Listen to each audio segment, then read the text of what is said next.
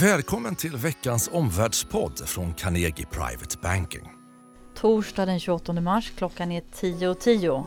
Idag var Swedbank på Financial Times första sida och det är många deltagare på Swedbanks stämma. Men även här i studion är vi fler.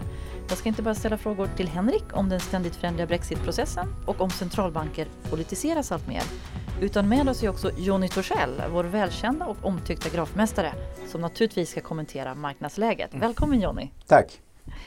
Eh, vi börjar med dig Jonny. Räntorna har ju rasat, börsoron har tilltagit de senaste dagarna. Men hur ser de tekniska signalerna ut? Får vi en rekyl nu? Ja, vi har ju den här situationen eh, som jag pratade om tidigare. Att vi, vi befinner oss i en stor, gigantisk konsolidering. Eh, börsen toppade eh, och då talar jag OMX S30. Mm. Den toppade i april 2015 och sedan dess har vi inte gjort någon ny högre topp. Så vi befinner oss i en jättestor konsolidering. Eh, men i den här stora konsolideringen då så har vi gjort ett ganska kraftigt rally upp. Från decemberbotten upp här nu till eh, toppen i mars så har det gått upp 17 procent på 56 börsdagar. Mm. Så det är klart att vi borde få någon typ av rekyl på det här. Mm. Yeah. och den kan ha startat nu. Det borde ha startat nu. Kan det bli och då borde vi få någon rekyl kanske på, säg på en, en till fem veckor ja. eller någonting sånt. Man kan också observera att en viktig orsak Johnny, till den här oron det är de här negativa avkastningskurvorna. Det vill säga att långa räntor i många länder är lägre än de korta, inte minst i USA. Problemet kanske är att de här avkastningskurvornas prognosförmåga och förutse recessioner, vilket ju marknaden är rädd för, de är lite annorlunda nu när centralbankerna har snedvridit de här räntenivåerna. Men jag vet att du Johnny, du tittar ju även på andra signaler utöver den här kurvan för att bedöma recessionsrisken. Berätta mm. gärna mer. Ja, just det. Ja, vi, när man tittar på den här äh, yieldkurvan då med tre månaders räntan som är högre än tioåringen så har det ju historiskt sedan 70-talet ofta lett till en recession. Ju. Men det, vi vet ju inte hur det funkar nu med tanke på centralbankerna, precis som du säger. Men min utgångspunkt är att vi kommer inte få en recession förrän äh, börserna i pluralitet punkterar den botten som träffades i december. Och ett viktigt index som jag tittar på det är transportindex. Det är ett bra index därför att vi, vi får en mätare på aktiviteten i ekonomin.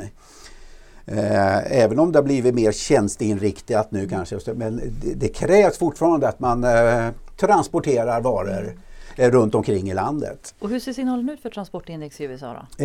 Just är de oroande? Skulle vi befinna skulle vi gå under den här decemberbotten som träffades nu eh, för tre, tre, drygt tre månader sedan då.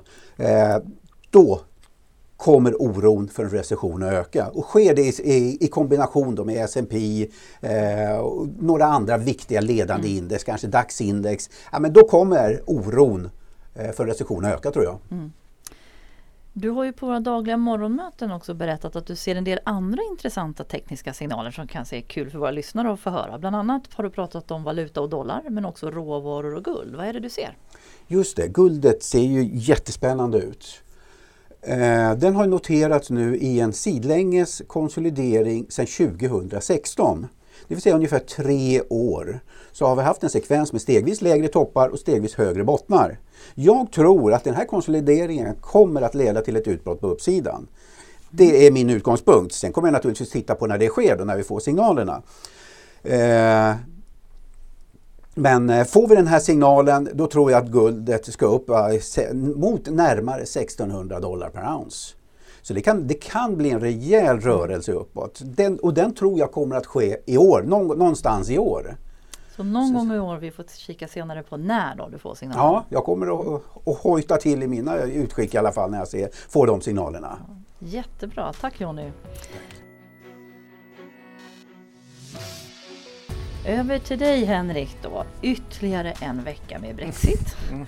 Eh, vad är läget? Trött, Helena, är de, Du också kanske? Det är spännande ja, men det är långdraget. Det är nu. Ja, det är Vilka är de nya heta Brexit-datumen som inviterare ska hålla på? Du har pratat om ett hemligt Brexit-datum Henrik. Ja, vi ska komma till det. Bara först nämna då att det var ju vägledande omröstningar igår kväll i, i parlamentet. Det, det, jag tyckte det där var ju eh, inte juridiskt bindande omröstningar men de var politiskt eh, relevanta faktiskt. Man kan bara konstatera att alla Brexit-alternativ, alla möjliga olika former av Brexit blev faktiskt då, eh, nedröstade av, av det brittiska parlamentet. Det finns alltså inte majoritet för något form av utträde egentligen. Det finns eh, bara så att säga, majoriteter emot olika förslag och det där är symptomatiskt för ett dysfunktionellt parlament. Vi har pratat om att det är en polariserad stämning i parlamentet men det är också paralyserat. Det, det, finns inte en beslutskapacitet i det brittiska parlamentet. Det tycker jag är faktiskt viktigt framåt. Datum att hålla koll på nu då, det vet vi sedan EU-toppmötet förra veckan. Det är dels scenariot, eller scenariot, det är ett datum som är utsatt att, att britterna då har, eh, ehm, kan lämna, möjligen då utan ett avtal, torsdagen den 11 april. Eh, om britterna då inte har en trovärdig plan framåt att presentera för EU. Det andra datumet är, som, som då bygger på att britterna landar i ett stöd för Mays avtal. Det är den 22 maj, också en torsdag. Torsdagen 22 maj, precis före EU-parlamentsvalet. Mm. Så, det, så det är viktiga datum. Det låter ont om tid ju. Ja, det är mycket ont om, det, det, det, det, är ont om tid. Min bedömning är att det är egentligen endast två alternativ som, som, som, som är realistiska och som nu är på bordet. Antingen att bristerna till sist den här veckan eller nästa vecka faktiskt då rösta för Mays avtal. Det där är inte uteslutet men det ser svårt ut.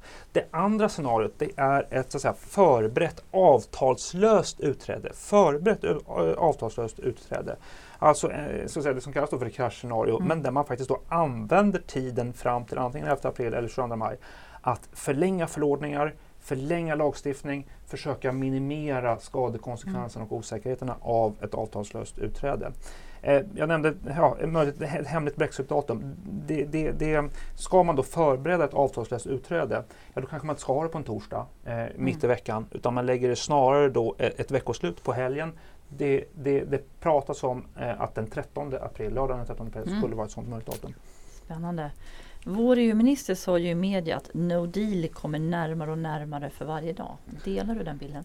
Eh, ja, det, det, jag delar den bilden. Det, fin, det, det finns en föreställning om att, så att säga, beslutsfattare inte kommer låta det här ske. Alltså, en tankefigur som bygger på att det här är ett sådant högriskprojekt att det i slutändan så kommer det inte hända. I slutändan så har ju då Theresa May och den brittiska regeringen makten att, och kompetensen att dra tillbaka utträdesförfarandet, det här artikel 50-förfarandet. Eh, då ska man säga så här att eh, mig vet om att stora delar av den brittiska befolkningen faktiskt inte är helt mot ett så att säga avtalslöst omedelbart utträde. Eh, britterna har inte eh, panik, även om många pratar om att det är en nödsituation och liknande så, så finns kanske inte det riktigt i, i, hos allmänheten. Mm. Eh, det talas om att 30% av britterna har acceptans för ett avtalslöst mm. utträde, 50% av konservativa väljare har en acceptans för ett avtalslöst utträde. Dessutom eh, ska man säga det här då, alltså det, det var ett omslag ehm, eh, i Bryssel efter förra veckans toppmöte.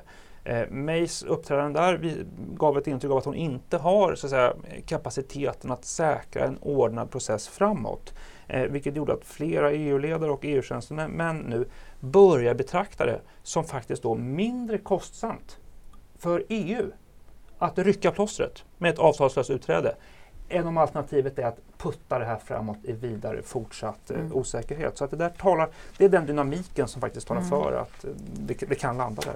En del säger no deal, no problem. Det här är ju en svår fråga, men vad vet vi egentligen om konsekvenserna av no deal lite kort Henrik? Eh, vi vet eh, Bank of Englands eh, chefen, alltså centralbankschefen Mark Carney har sagt att en hård Brexit det kan få ungefär samma återverkningar på ekonomin som finanskrisen 2018, alltså en av de värsta lågkonjunkturerna på decennier.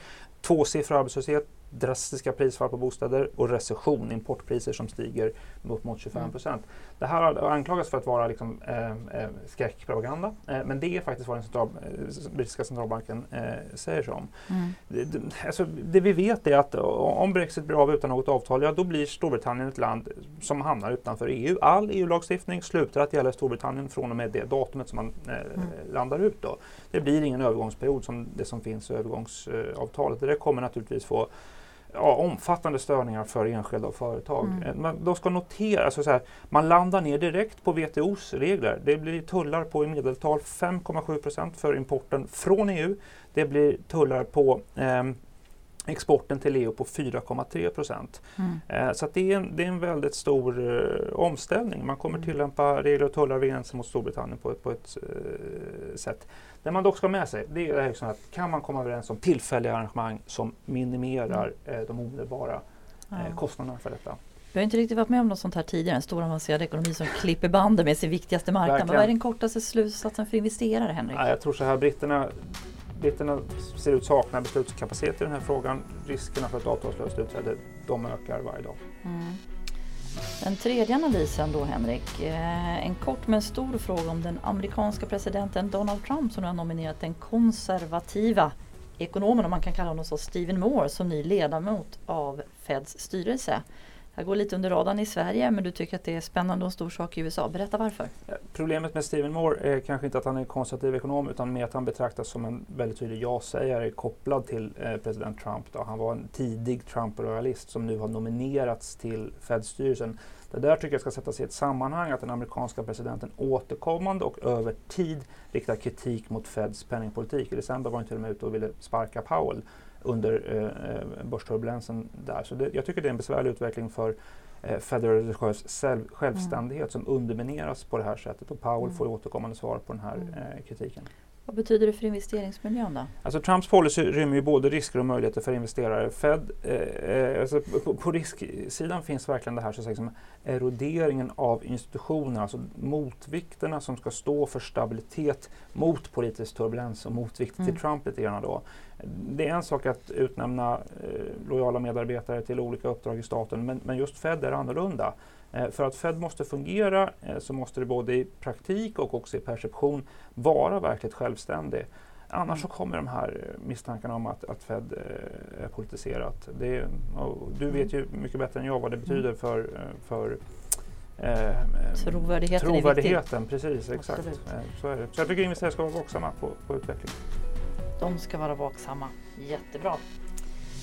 Eh, de tre slutsatserna i dagens podd då är för det första från Jonny. Det finns en risk för rekyl på börsen men inte recession i ekonomin. Decemberbottnarna viktiga. Men han väntar på ett utbrott i guldet under året. När det gäller Brexit, riskerna för ett avtalslöst utträde ökar för varje dag. Och Fed, var vaksam på tendensen till ökad politisering av centralbankerna. Och nästa vecka, som vanligt, podd på torsdagen. Nyheten dock, ni hittar nu Carnegies omvärldspodd även på Spotify. Tack för att du har lyssnat på Omvärldspodden från Carnegie Private Banking. Vill du veta mer om vad som händer i vår omvärld och få aktuella idéer till affärer? Gå då in på www.carnegie.se veckans viktigaste och prenumerera på vårt nyhetsbrev.